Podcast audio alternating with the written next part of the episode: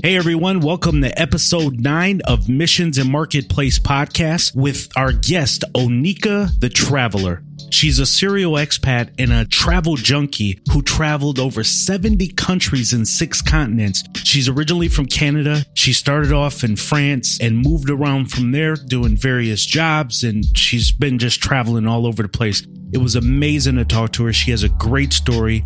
I really enjoyed talking to her because I love how cultured she is, how many people she's been in touch with, and it kind of shows in her conversation. She really has a passion for the travel. And hopefully, this inspires some of us to, including myself, I'm talking to me too, to step from behind the computers and step from behind the social things that we have Twitter and Facebook and other things and just get out there and travel a little bit. So if you've never been anywhere, why don't you just start and go somewhere? I don't know where. But without further ado, here is Oneika the Traveller. Welcome to Missions and Marketplace Podcast.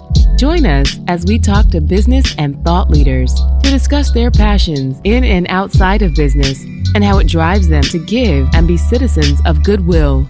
Let's get started. Hi, Oneika. Thank you for joining Missions and Marketplace podcast. Thank you for having me. Yeah, excited to have you on. I've been looking forward to talking with you a little bit about your travels and all that fun stuff. You're kind of person on the go, so I was like, I wonder if I'm going to ever really get a chance to talk to her. But I, I, I'm I'm glad we got a chance to talk here. So, why don't you tell our listeners a little bit about yourself? Sure. So, my name is Oneika, uh, and I run a travel blog called Oneika the Traveller. And basically, I am someone who is super into traveling and new cultures, and it's kind of become not only a passion, but my life's work. So, I mm. grew up in Canada but my parents are from Jamaica. So I had a, a, a, multicultural background, I guess you could say. And I grew up in Toronto, which is a very multicultural city. And I was always, from a young age, surrounded by many different nationalities. So I was always intrigued by different people, their cultures, how they lived, and the languages that they spoke. But I didn't really travel until I got to university. And when I was in university, I had the opportunity to go on a study abroad. And I went to France for the year. And it was my first, I guess you could say, transcontinental journey. It was my first trip uh, across uh, the ocean because previously I had only traveled within the US and uh, to Jamaica, where my family is from. And basically, when I went over to France, it was a ridiculous eye opener. You know, I met people from places I didn't even know existed. Um, I had the opportunity to travel around Western Europe and also to Africa. At that point, at the end of that uh, that year, I was bitten by the travel bug, and I knew that this was something that I really wanted to do. So ever since, I've been traveling. Um, I've traveled extensively. I've been an expat for ten years now. Seventy I, countries. Six. Yeah, I've traveled. Yep, over to to over seventy countries and lived in five different countries on three different continents. And I've enjoyed every single minute of it. What's kind of incredible about your story is that I know there are a lot of people that sit at their jobs in cubicles or just a stay at home mom or somebody that feels like they're tied down, whatever they may have going on. And they don't necessarily have to travel to 70 different countries, but just you, you brought it up when you went to France, how it kind of opened it up for you just to kind of step out a little bit on faith and just go somewhere. I mean, it's funny because I lived in a city with, um, you know, with people, and I swear we would travel 30 minutes across. And if they've never been anywhere, they thought 30 minutes was like a road trip. You know, they'd want to buy snacks and like, if we're going to drive way over there, we might as well get. I mean, so it's amazing to me that you're going across waters and across different countries. So, in general, so you, I, I, think you kind of briefly touched on it, but what really inspired you to travel to the level that you do now? So, I know you talked about kind of the catalyst for it, right. but what's the inspiration for continuing to do it at the level that you do? The inspiration for me, really, Priest, is just that thirst, you know, that desire to know more. Um, I've always been curious, and my mom would probably say that I'm actually quite nosy. and I've always been really invested in other people's stories and curious, you know, about their providence, uh, their providence, you know, where they've come from and the experiences that have led them to a certain point. And I think that it's kind of this strange um, you know, chain reaction. So the more I've traveled, the more I've wanted to travel. The further I've gone, you know, I've even wanted to go even further away, you know, at greater distances than I had previously. So I think it's kind of this juggernaut that builds for me. And I, you know, still get very excited when I meet somebody from a place that I've never been before. And I love just listening and being witness to people's stories. And I think, if anything, that's probably what drives me most. Yeah. Just learning more about people and just that thirst, you know, that needs to be quenched. You know, part of the issue I think sometimes when we're just in Canada, when we're just in the US, it's hard for us to feel passionate when there are struggles in other countries or when there are successes because you can't really identify with it. But to kind of step outside of that and realize that every individual, every man, every child, every woman, they have a story that goes with them. Um, I can definitely see why that's something that kind of just continues to invigorate inside of you. So, talk about some of the best places you've traveled to. That's always a really difficult question for me, to be quite honest. Does it change every year after you leave the it, place? It does. And it changes not only because of the destinations themselves, but I think it changes, you know, because of the people that I come across uh, in my travels.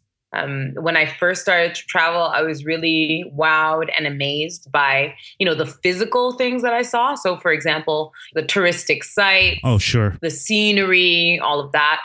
I think now I'm really interested in the cultural aspect. So, getting to know people, learning their stories. I mean, don't get me wrong. I you know love a beautiful landscape or you know beautiful mountain or, or what have you but I think at the root of it all nowadays, it's maybe the littler things, you know, the things that don't necessarily make it into to the guidebook. So the encounters um, that I have, or maybe the history uh, or the ethnography of a particular place. But that being said, uh, there are, you know, some favorite places that I have. One of those uh, is France. Uh, I lived in France for two years, and I think that my experiences in France really shaped me uh, not only as a traveler, but as a global citizen, because mm. that was really my first encounter with life abroad.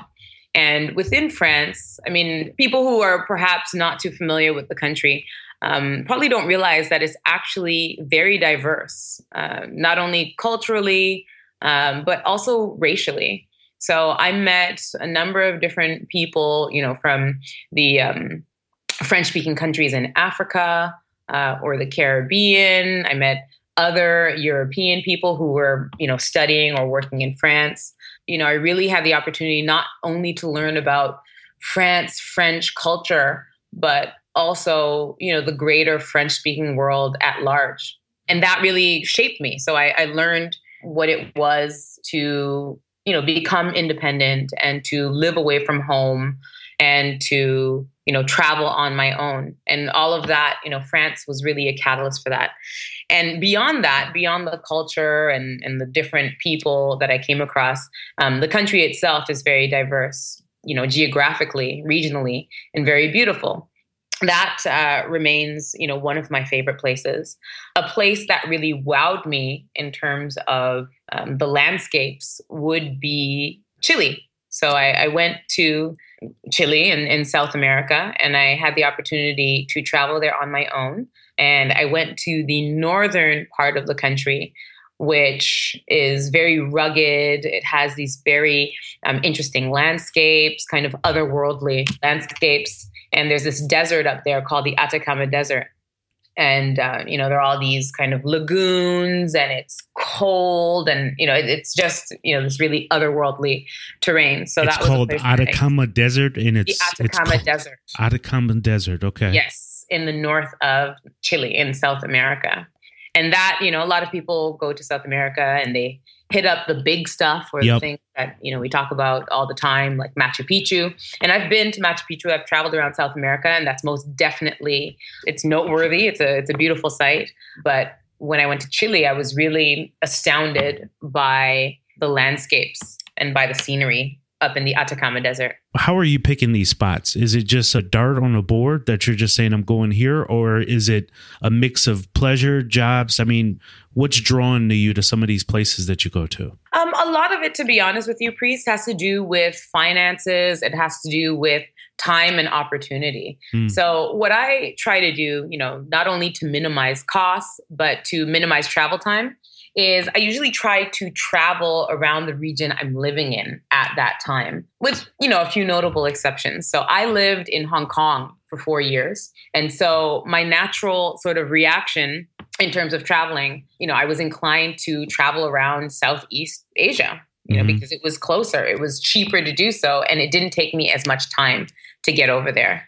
That was one of the reasons I, I traveled around the region when I lived there. Same thing, you know, I lived in Europe for four years total as well. So I lived in France for two years and I lived in London for two years. And again, you know, it was way cheaper and way easier to travel from, you know, London, for example. So I was able to do really nice weekend trips or even longer trips around uh, continental Europe. So a lot of the time, um, that's what I do, and that's kind of what I advise the readers of my blog or you know the followers that I have. That's kind of what I advise them to do um, you kind of have to be strategic, especially if you have limited time to travel um, and limited funds. And so, one of the best things that you could do is, you know, not only to just explore your own backyard, but to explore destinations that, you know, may be further afield but not necessarily on the complete other side of the world. So now that I'm living in New York, so I moved to New York uh, three months ago, I have been taking the opportunity to travel around the Caribbean and travel around Latin America because it's way closer and cheaper and easier to do so from New York or having New York as a hub. In three days from now, I'll actually be boarding a plane to Bolivia, mm. which is a country, landlocked country uh, mm. in South America. And, you know, it's always been a dream of mine to go to Bolivia, but living in Asia or living in Europe, it was really far away. Too far, yep. It was yeah, it was super costly and you know, even if I were to have the funds to travel to Bolivia, it would have been, you know, travel time of, you know, 30 plus hours and three different planes. That's crazy. So you just kind of have to be strategic with travel and take advantage of travel deals, you know, I, I guess your own geographic location. So that's that's basically how I end up choosing uh, the places I travel to. One of the travel deals that uh, I just got done talking to somebody about this. There was this glitch on Christmas. Um, I think it was Dubai or somewhere where yes, people it was Dubai and Abu Dhabi. Yep. Yes. They were getting tickets for like two hundred and fifty dollars or somewhere along those lines. If people want to start being like Oneika, wait around on Christmas and see if there's any kind of glitch. Maybe that'll work out for them. Yeah, absolutely. There are a number of websites that you can sign up to that will you know keep you abreast of all the different uh, fare glitches or travel deals. What are what are uh, some of those sites? Do you have yeah one well one of one of my favorites is secretflying.com and what you can do is you can just like their facebook page and so that they pop up in your feed so, for example, there was a deal today, I think, where you could travel to four European countries for $306 or something like that. So, I think you, uh, it was on Norwegian Air, and you could fly to Norway and then also visit on that same ticket. You could also visit, I think it was London, Amsterdam, and somewhere else. I don't remember if it was Paris. For 300 bucks. For $300. Wow. So, secretflying.com is a favorite of mine.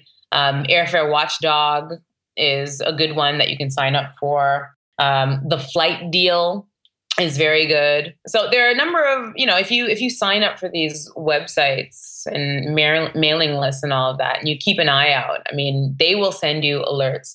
And I think again, you know, if you want to travel more and travel, you know, for less, for less money, then you have to be flexible. So you have to be flexible not only with your time, but you also have to be flexible with the destination that you're going to. So mm-hmm. if you're dead set on going to Barcelona for $200, you know what? You may not get that deal, but if you don't mind traveling to Berlin, well, you know what? You might just have an opportunity there. So I think it's important to be flexible, not only with your time, but also your desires in terms of destination. You know, I'm having a lot of conversations with people, and as I get older, Oneika, I'm I'm kind of changing how I approach this. But, and I'm going to ask you the same thing. I think I know the answer to this, but you know, it sounds like you value paying for experience over things. Now, don't get me wrong. I think things are fun, clothes and, you know, different little chach every now and then.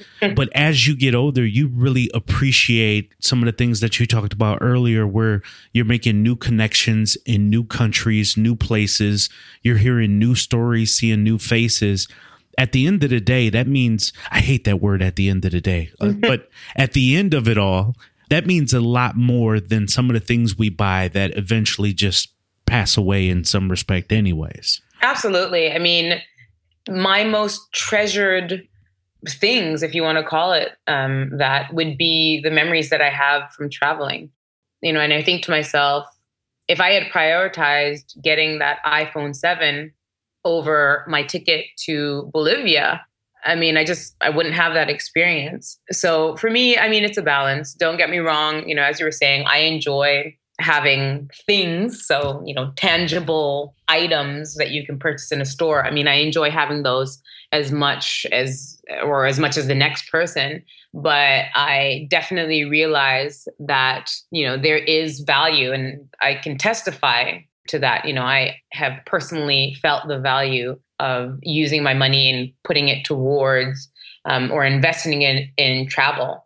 As you say, the connections that I've made are invaluable at yeah, the end of the day. I can't place the dollar value totally. on the people that I've met and some of the things that I've had the opportunity to see with my own two eyes. Um, going to Egypt, for example, you know, that was an investment in myself. Seeing things that are older than time, mm-hmm. um, trying to wrap my head around you know the notion that somebody built this thousands and thousands of years ago and it still exists and i can see it and i could reach out and touch it if i wanted to. Wow that's amazing. That is a trip i would love to take. And, and it's one that i i recommend. You know you can have your iphone 7 and you could have the most current gadget there is out there but i think that there's something to be said for prioritizing some experiences over you know these things that you can buy in a store. So i'm going to ask kind of a loaded question here and i don't mean it to be so loaded but i'll explain it. If you were able to do it all over again you know starting back at the university and now knowing what you know today what would you do differently? And again, just in your travels and how would you approach things differently, whether that's changed for you culturally, maybe how you view people, maybe how you travel in general. Mm-hmm. Maybe it hasn't changed anything, but what, what has that done for you that maybe you would change today? To be honest with you, I think if I could do it all over again, I would go abroad earlier. Mm-hmm. Um, I would take advantage of some of the exchanges that exist for uh, high school students. So, for example, Rotary, the, the Rotary Club has a number of different scholarships and exchanges that allow teenagers to go abroad. So, if I could do it all over again, if I you know, had the opportunity to wipe the slate clean, I think I definitely would have gone abroad earlier and, and experienced this earlier. I think as well, I probably would have tried to go to university in a foreign country. So mm. whether, you know, it was France or in the UK, I definitely would have had that experience. And I don't have any children now, but in future, you're going to encourage them to do that. Absolutely. Yeah. I, you know, I think it's just such an invaluable experience. You know, we are talking about experiences a little bit earlier. And I think that there are so many things that you learn abroad that cannot be learned in a book. And just having that sort of international aspect and way of thinking is so important. It's so important. So I would I would definitely do that earlier had I known if, if I was, you know, or if I had the chance to do it over again. I, I would have too, um, personally. And I, I, think we talked about this offline, but I have a 17 year old daughter that, in, in some respects, she kind of reminds me of you in terms of just willing to kind of get out and travel. And she's willing to kind of dive into other cultures. And you got to remember, just a generation before this, in some respects, in the States here, in other surrounding areas, we were kind of closed off as you know different parts of the country and now we've become a global economy so i think it's not far fetched to even start really pushing kids in high school to go to university, to go to schools outside of their comfort zone in some mm-hmm. respects.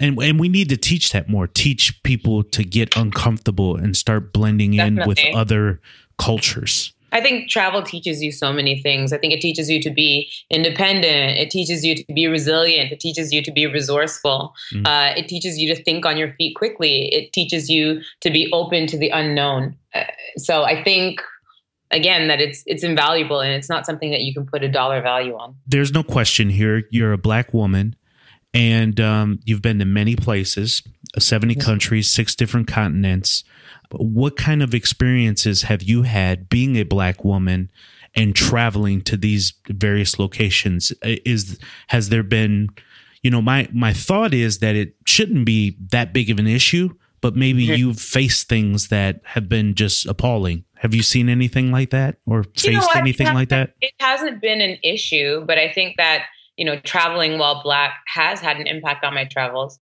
but not necessarily a negative impact. I think that in the overwhelming amount of cases, so, you know, in 99% of my travels, I've had excellent experiences, very positive experiences traveling as a Black woman mm-hmm. in certain parts of the world people have not seen, you know, local people have not encountered someone who looks like me. Mm. So, you know, I think that if you're traveling as a Black person in general, um, in Asia, for example, you know, you kind of have to be prepared to have others, you know, local people stare at you yeah, or yeah. You know, they want to touch your skin or they want to touch your hair. hair. But at the same time, for me, it's always been very, very complimentary. It does perhaps get annoying, but you know, I just kind of laugh it off because I think to myself um, that again, you know, these sorts of encounters open me up to some really funny situations uh, and some really funny experiences. So uh, I kind of have a good time with it. And if somebody wants to take my picture, you know, as long as they're being respectful, I'll take a picture with them.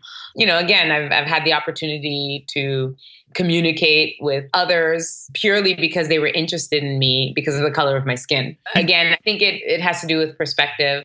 Um, I think that perhaps traveling as a black male is different.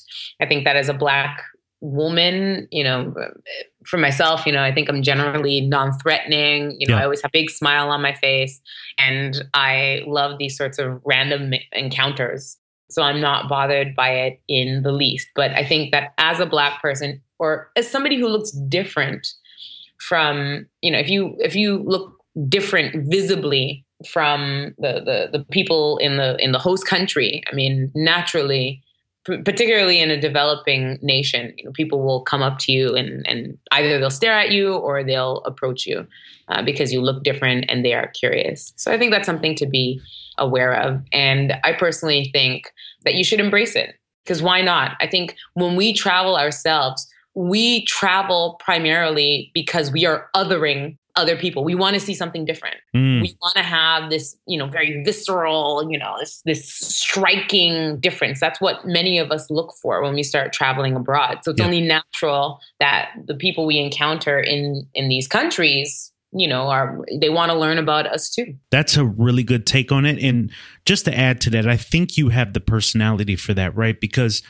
at the end of the day uh, there i go again i don't i'm but you know at the end of it all you know, if you're kind of looking for the drama, you'll probably find it. But in some respects, if you kind of let it roll off and accept it for what it is, like you talked about, kind of the Asian women or whoever it may be touching your hair and wanting oh, yeah. to touch your skin, if you understand, look, they they really haven't seen black people. I'm I'm over here in Asia. And right. so why yeah, why would they see black people? And so if you can accept it from that standpoint, then I think you're the perfect personality for traveling because you're not looking for the drama where people are always going around. You know, I, I mentioned to this to you earlier, but I'm biracial. And a lot of times when I'm sitting in a room, especially in the career that I'm in, I'm the only black male there, black representative right. there. And, you know, I've had talks in the past while I was younger, and people are like, Aren't you uncomfortable? You're like the only black guy in there. And it's like, no, I've been in this setting before. I have family members that are white, right? So maybe they're uncomfortable, but that's a different take. So I think it's all how we see things is what will gravitate in kind of the energy that you'll bring towards you. as we look ahead and you know we're talking to maybe college freshmen and the high school young boys and girls out there that we're talking about opening up a little bit or we're just talking about bill sitting in his cubicle or you know joanne who's at home and they want to do this. They want to travel. They want to get out more. What do you say is the first step that joanne bob just do it? What is that thing that you would encourage them with? I think that people who really want to travel have to plan for it and prioritize it. I think a lot of people are complacent and they say, oh, well, you know, I can't do that. And they're quick to dismiss travel without researching it or without really opening themselves up to the possibility. It's just as easy as surrounding yourself with like minded people. So if you want to travel, well, join a travel group. If you think you don't have enough money to do it, well, you know, sit down and make out a, a plan and take a look at your finances and take a look at what some of your expenses are and think about how you can cut some of your expenses and redirect those funds to a travel fund. I think that there's where where there's a will, there's a way, and I think that if you're open enough and you're flexible enough that you can travel, you know, you can volunteer abroad, you can sign up to all these websites where you can get cheap airfare. If you're a younger person, so if you're in, in college, for instance, if you're still a student, you can sign up for study abroad, and there are a number of scholarships um, available out there, both at the university level and you know various organizations like the Rotary Club. You know the, these places offer financial aid. You know if you work for a multinational company think about asking them whether or not it's possible to to get a work transfer and to you know work in one of the international offices if even for only a couple of weeks. Um, i think that if you want to travel it really requires a change in your way of thinking and a change in your mindset and you in order to actualize or realize these dreams of travel need to you know really i guess be proactive in it. You know i think a lot of people sit back and they say oh you know i want to do this thing but they don't make any changes to their life so right. that it can happen. And it's only for the very select few that you know the opportunity will fall into their lap. You know mm. for myself i wanted to travel. Not many of my friends or family members uh, were traveling internationally so I had to plot and scheme and find a way. And I found this, you know, study abroad program. And you had to be a French major to go study abroad in France. And I changed my major to French, you know, simple as that. And I had a part time job and I saved up my money and I begged my mom for the rest. and, you know, I made it happen. Uh, I didn't have gobs of money. You know, I lived on a very, very, very, very tight budget but it was something that I really wanted to do, and therefore it was worth the sacrifice. I think that would be my advice to people. You know, be a proactive, uh, be, be, proactive. Yep. point blank. It's simple as that, really. That's so great plan advice. for it, prioritize it, save for it and then make it happen. And there's there are a lot of resources online. Plan, prioritize, save, and then beg your mom for the rest. That's exactly. that's the plan. So, Oneika, how can people get in touch with you? I know you have a blog. You have a great blog with pictures of places you traveled. You talk about your destination. Thank you so much for saying that. So I do have a blog. Uh, you can find me at www.oneikathetraveller.com. That's traveler with two L's, and Oneika is spelled O N E I K A, oneikathetraveller.com. And I am on Instagram and Twitter, and I can be found at, at Oneika Traveler. Well, you've been a great guest. I really appreciate your time today. Great. Thank you so much for having me. I love talking about travel, and you were great to talk to. So thank you so much. Thank you. Thank you for listening to Missions and Marketplace. If you have a brand or business that you want to take online, or you're already online and looking for more exposure, visit us at affiliatemission.com, the premier affiliate marketing and management agency. Also, feel free to get social with us and check our Facebook, LinkedIn, and Twitter pages and share with us your story on how you're leaving a mark in the world.